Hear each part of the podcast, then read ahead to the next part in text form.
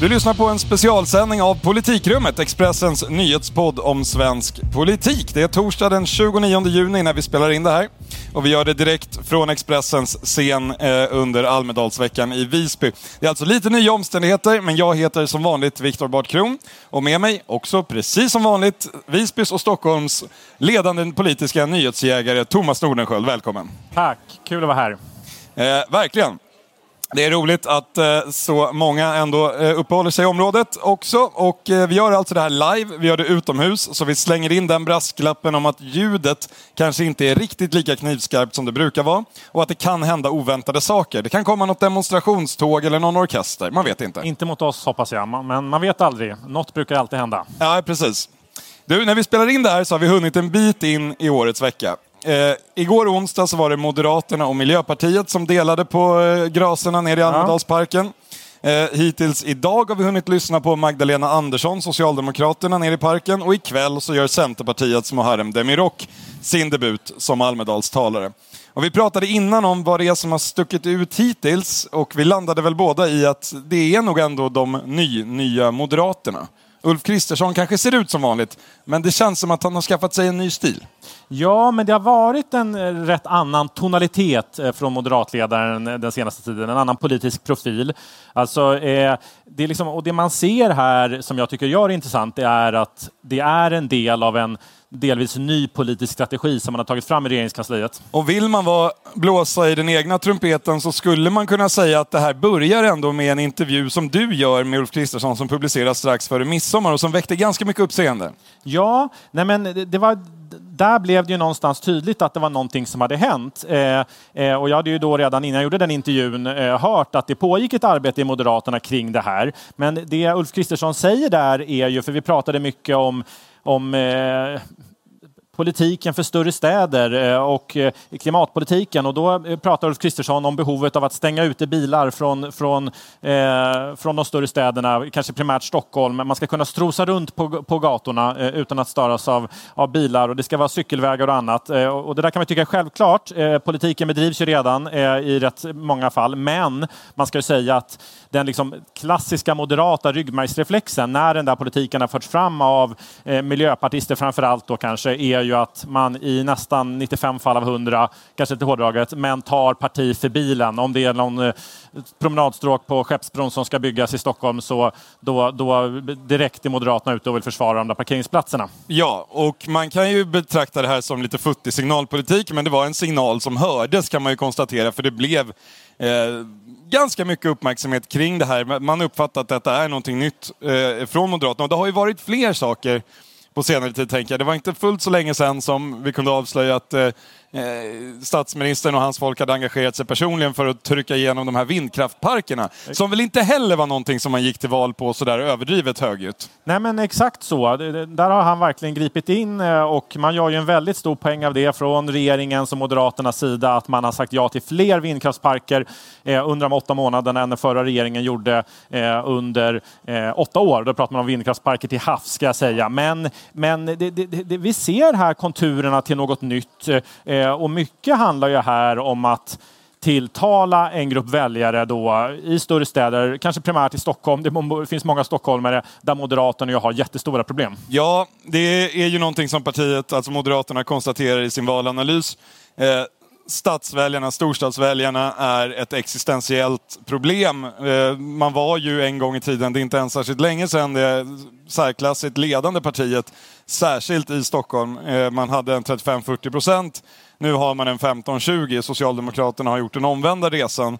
Eh, och det som en gång var ett blått skyltfönster ser numera tämligen knallrött ut. Socialdemokraterna fick 44 procent i Stockholms stad. Ja, men det är rätt dramatiskt. SCB-mätningen. Ja, men det är dramatiskt. Alltså det är, de rödgröna partierna i Stockholm, den senaste SCB-mätningen, är uppe på jag tror att det är 60 procent tillsammans. Det... Och, det, och det kan ju tyckas att här sitter vi Stockholmsjournalister och pratar om hur viktigt det är med Stockholmsväljare, men det finns ju en väldigt eh, banal anledning till att det spelar roll och det är att det finns så otroligt många stockholmare. Alltså länet Stockholm eh, omfattar nästan en fjärdedel av svenska folket, en fjärdedel av de röstberättigade och trenderna där slår ut hårt på det nationella valresultatet också, vilket Moderaterna nu har fått erfara. Ja, och det är, liksom, det är ett intressant skifte eftersom eh, nu under en tid så har alla sprungit efter glesbygdsväljare, men nu är det stockholmarna igen. Alla upptäckte att stockholmarna fortfarande var fler. Men du, den andra delen i det här ja. eh, kan vi ju härröra till det tal som Ulf Kristersson höll eh, här i parken för ungefär ett dygn sedan. Eh, det väckte också en del eh, eh uppmärksamhet för sin lite nya eh, tonalitet. Det ja, var men... kanske inga jättestora nyheter, Nej. men det Nej, men jag, tycker att det var, jag tycker att det var faktiskt det mest intressanta som har kommit ut av det jag har snappat upp från den här Almedalsveckan så här långt, alltså Ulf Kristerssons tal. Eh, det var ju jag men, ett centralt besked som de presenterar som en nyhet är ju att Moderaterna inte kommer prioritera skattesänkningar i de här budgetförhandlingarna i höst, utan att välfärden ska komma först. Men, och eh, försvaret och rättsstaten. Så ja, vi får väl se. Exakt så. Mm. Men för en moderat eh, så är det, som en, dessutom där man gick till val på på eh, nya skattesänkningar så är det något nytt och framförallt är det något nytt om man jämfört med tidigare borgerliga regeringar. Men det som också kom, som ja. jag tycker att var intressant, det var ju att det var någon form av socialpolitisk programförklaring det här.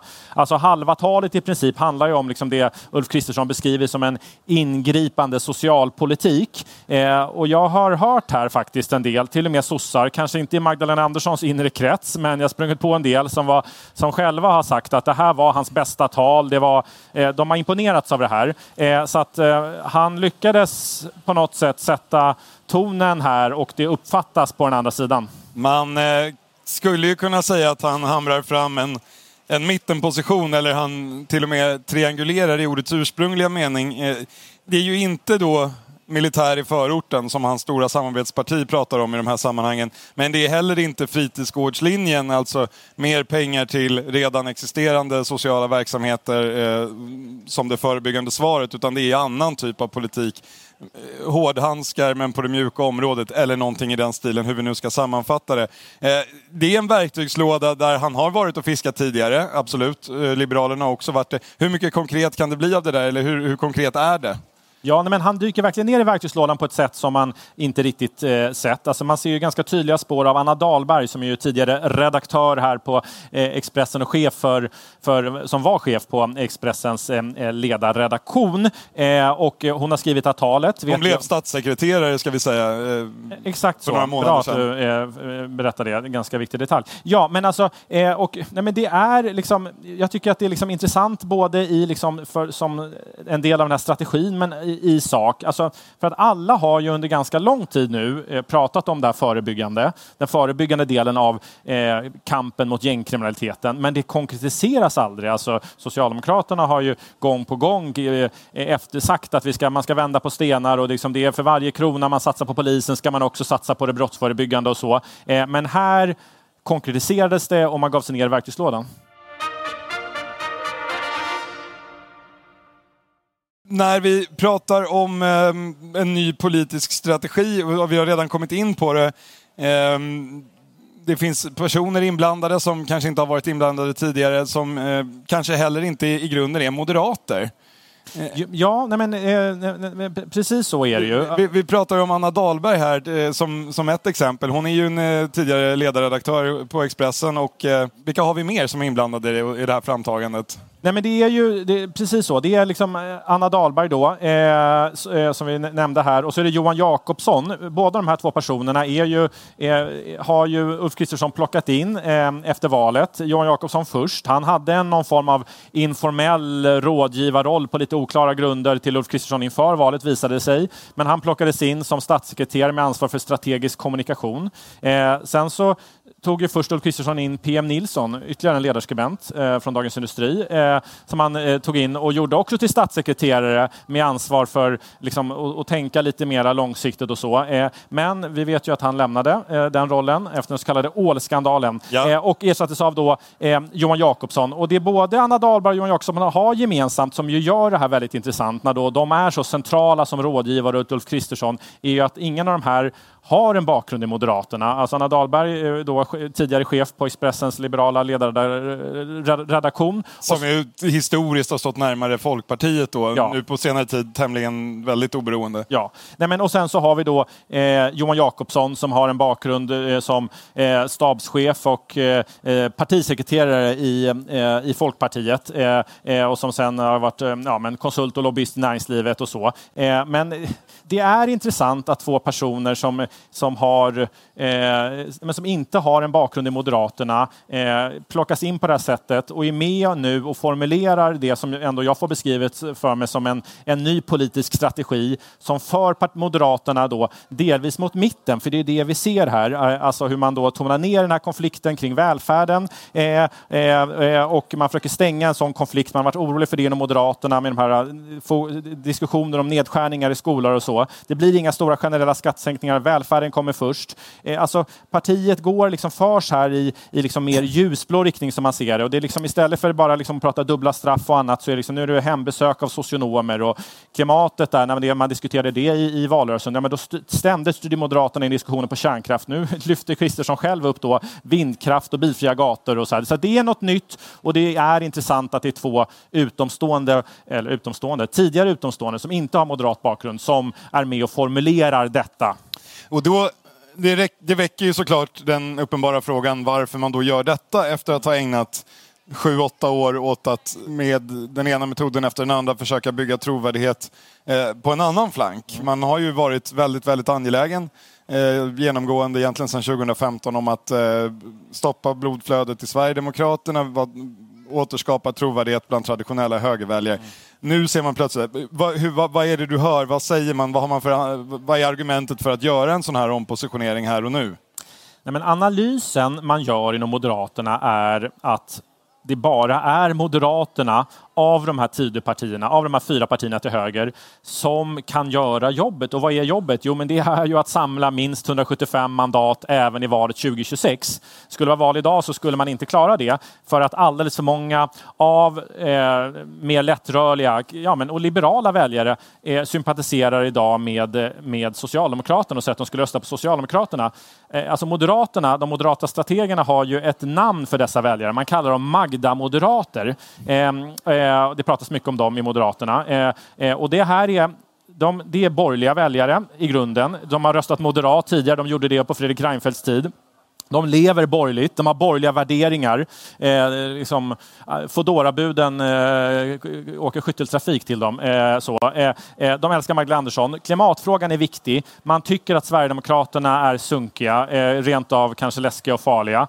och hela tiden liksom, de, de liksom köper Socialdemokraternas beskrivning av det här och tycker att hela Tidösamarbetet känns, rätt, eh, känns som, som, som något unket. Och, och, strategin bakom det här är ju då att komma med ett erbjudande som mer tilltalar de här, eh, med den här mer ljusblåa profilen och tydligt skapa en kontrast till Sverigedemokraterna. Men en intressant skillnad då om man tittar på förra gången Moderaterna eh, höll på att ompositionera sig är väl att frågan om vad man ska tycka i kriminalpolitiken och migrationspolitiken, den är ju inte särskilt öppen. Där Nej. är ju alla de stora partierna, Socialdemokraterna inkluderade, eh, överens om att det ska vara en väldigt hård och stram linje. Och det är väl de här ljusblåa väljarna också inne på nu, enligt analysen. Det är inte så att det är den efterfrågan man Nej. försöker möta, utan det ska ligga fast. Man ska bara inte prata så mycket om det. Är det rätt uppfattat? Ja, nej men alltså, det är ju så att jag tror att Moderaterna gärna skulle vilja att debatten handlade mer om deras tuffa tag mot kriminalitet och migration. Men eftersom Socialdemokraterna inte tar den konflikten eh, så fungerar inte riktigt det. Och då ser, man, ser ju Moderaterna en risk för att vi är på väg att hamna i en stor konflikt kring välfärden där kommuner skär ner eh, och, och, där liksom den här, liksom, hela liksom, debatten flyttas över till en liksom, röd planhalva, eh, till Socialdemokraternas planhalva. Och det är det man försöker motverka här. Egentligen är det inte så genom att säga nej till skattesänkningar och säga att välfärden kommer först, att man tänker att vi ska ha en stor debatt om välfärden inför valet 2026 att man inte vill ha en stor debatt om välfärden till 2026. Frågan är om vi ska ha någon debatt överhuvudtaget i valet 2026. Jag noterar då att Summan av detta blir ju att Socialdemokraterna stänger ner diskussionen om Tidöpartiernas favoritfrågor, alltså kriminalitet, invandring, kärnkraft. Eh, Tidöpartierna genom Moderaterna stänger då ner diskussionen om välfärd, välfärdens finansiering. Vad återstår? Vad ska, vi ha? Ska vi ha en valrörelse som handlar om Jag vet inte. Eurofrågan kanske? Ja, Nej, jag vet inte. Jag tänker att vi ska försöka hinna med Socialdemokraterna också.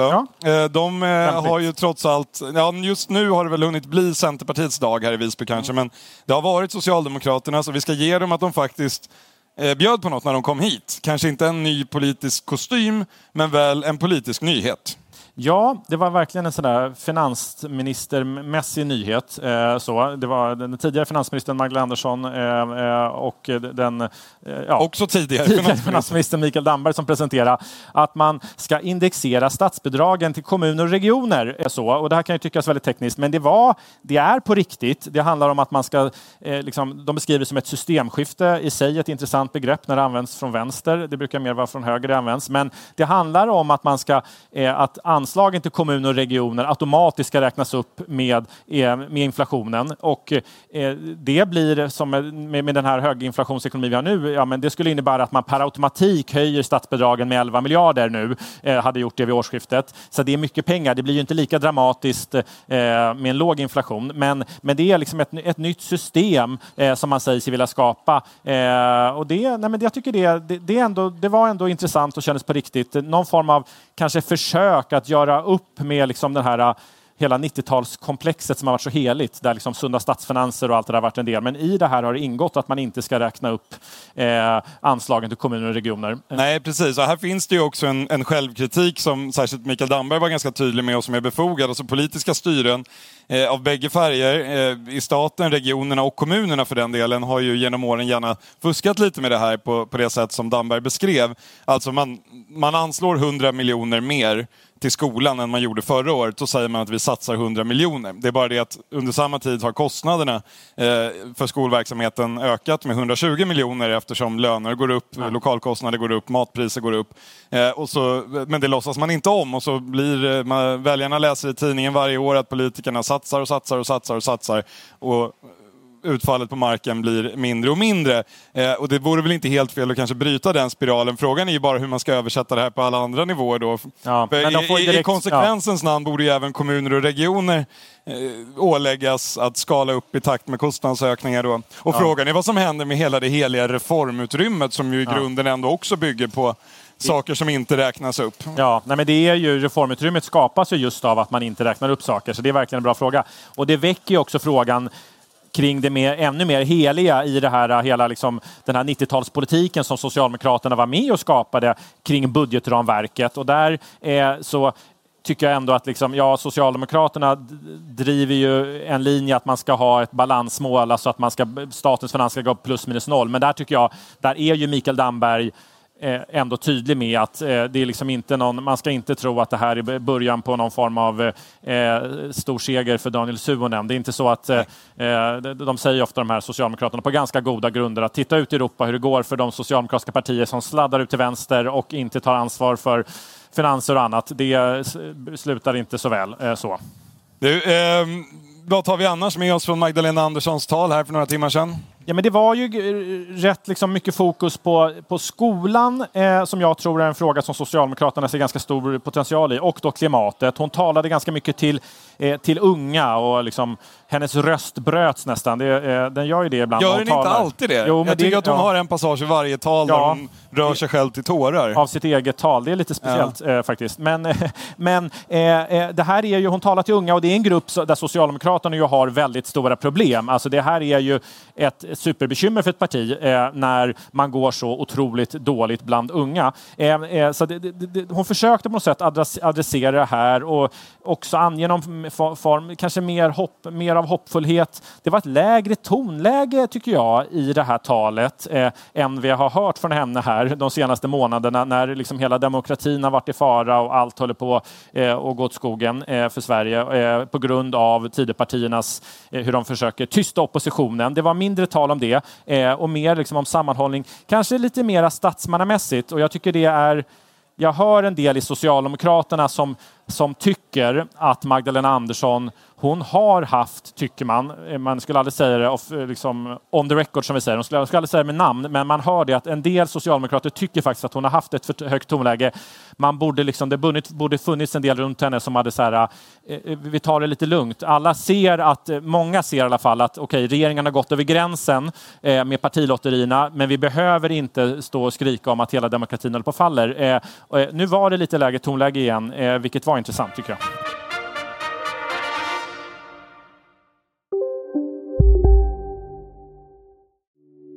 Hej, Ulf Kristersson här. På många sätt är det en mörk tid vi lever i. Men nu tar vi ett stort steg för att göra Sverige till en tryggare och säkrare plats. Sverige är nu medlem i Nato. En för alla, alla för en.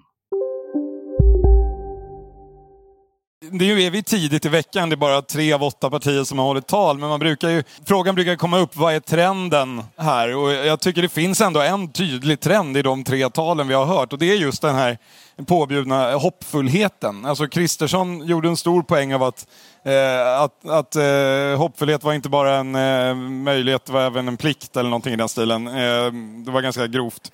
Eh, Märta Stenevi började ju med att tala om att jorden har gått under och allting är för sent och sen vände det till, att, eh, till någon slags stolpig parafras på I have a dream. Eh, och så Magdalena Andersson också på temat eh, hoppfullhet. Alltså vi, vi ska vara hoppfulla i år. Mm. Förra året så var det en tävling i eh, att vara bäst på att beskriva samhällsproblemen. Idag är det en tävling i att, bäst, att, att visa störst tro på att man kan lösa dem.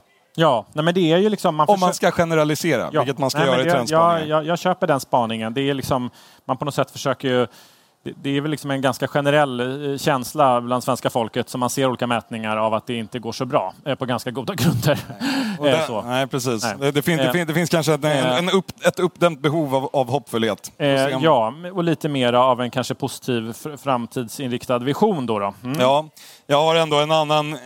Jag tycker ändå samtidigt att det är lite roligt med, eller roligt, det är lite intressant med Socialdemokraternas resa från, eh, just Socialdemokraternas resa från Eh, så här, när ett parti går från eh, regeringsmakt till opposition så brukar man gå från att vara nöjd med sakernas tillstånd till att bli väldigt kritisk. Man brukar gå från att eh, tycka att Sverige är det bästa landet i världen att leva i, titta bara på Economists senaste lista, till att tycka att det är förskräckligt att så många dör i vården och, och att skolan inte ger alla toppbetyg. Eh, Socialdemokraterna har gjort lite grann tvärtom. Förra året var Magdalena Andersson oerhört kritisk till läget i Sverige. 16 år med högerpolitik hade lett till ökade klyftor, våldsbrottslighet, segregation. Varenda sten skulle vändas. Stefan Löfvens arv var inte vatten värt. Idag handlar i stort sett alla socialdemokratiska förslag om att återupprätta 2022. Eh, nu ska till och med statsbidragen låsas i den just nu angivna nivån. Eh, eller låsas ska de inte göra, men du fattar vad jag menar. Vi ska kompenseras för elände som har inträtt efter maktskiftet. Men i övrigt så är det ganska bra.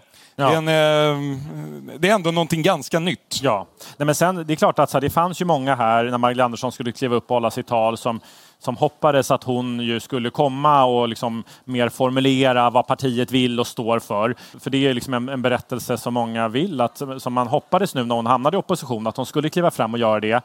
Eh, jag vet inte om det kom här. Eh, det kommer kanske inte komma från henne. Det kanske inte är hennes grej som en del säger internt. Utan, och det går ju, jag menar, hon har förtroendesiffror på 50 procent. Det kanske vore katastrofalt om hon skulle helt plötsligt ja. komma och presentera massa visioner. Men det man märker också är ju att det som gav de längsta och högsta applåderna under talet, jo men det var ju när hon angrep Sverigedemokraterna eh, och beskrev eh, hur de eh, ändå utmanar och hotar vår demokrati, även fast hon gjorde det med lite lägre tonläge. Det är ju där, där brinner hon på riktigt och där får hon verkligen med sig, kanske tillsammans med när hon pratar om riskkapitalister i välfärden, men det var väl det och, och eh, brandtalet mot Sverigedemokraterna. Det är där hon verkligen får med sig de egna. Det är nog där, det är där vi är. Du, ja.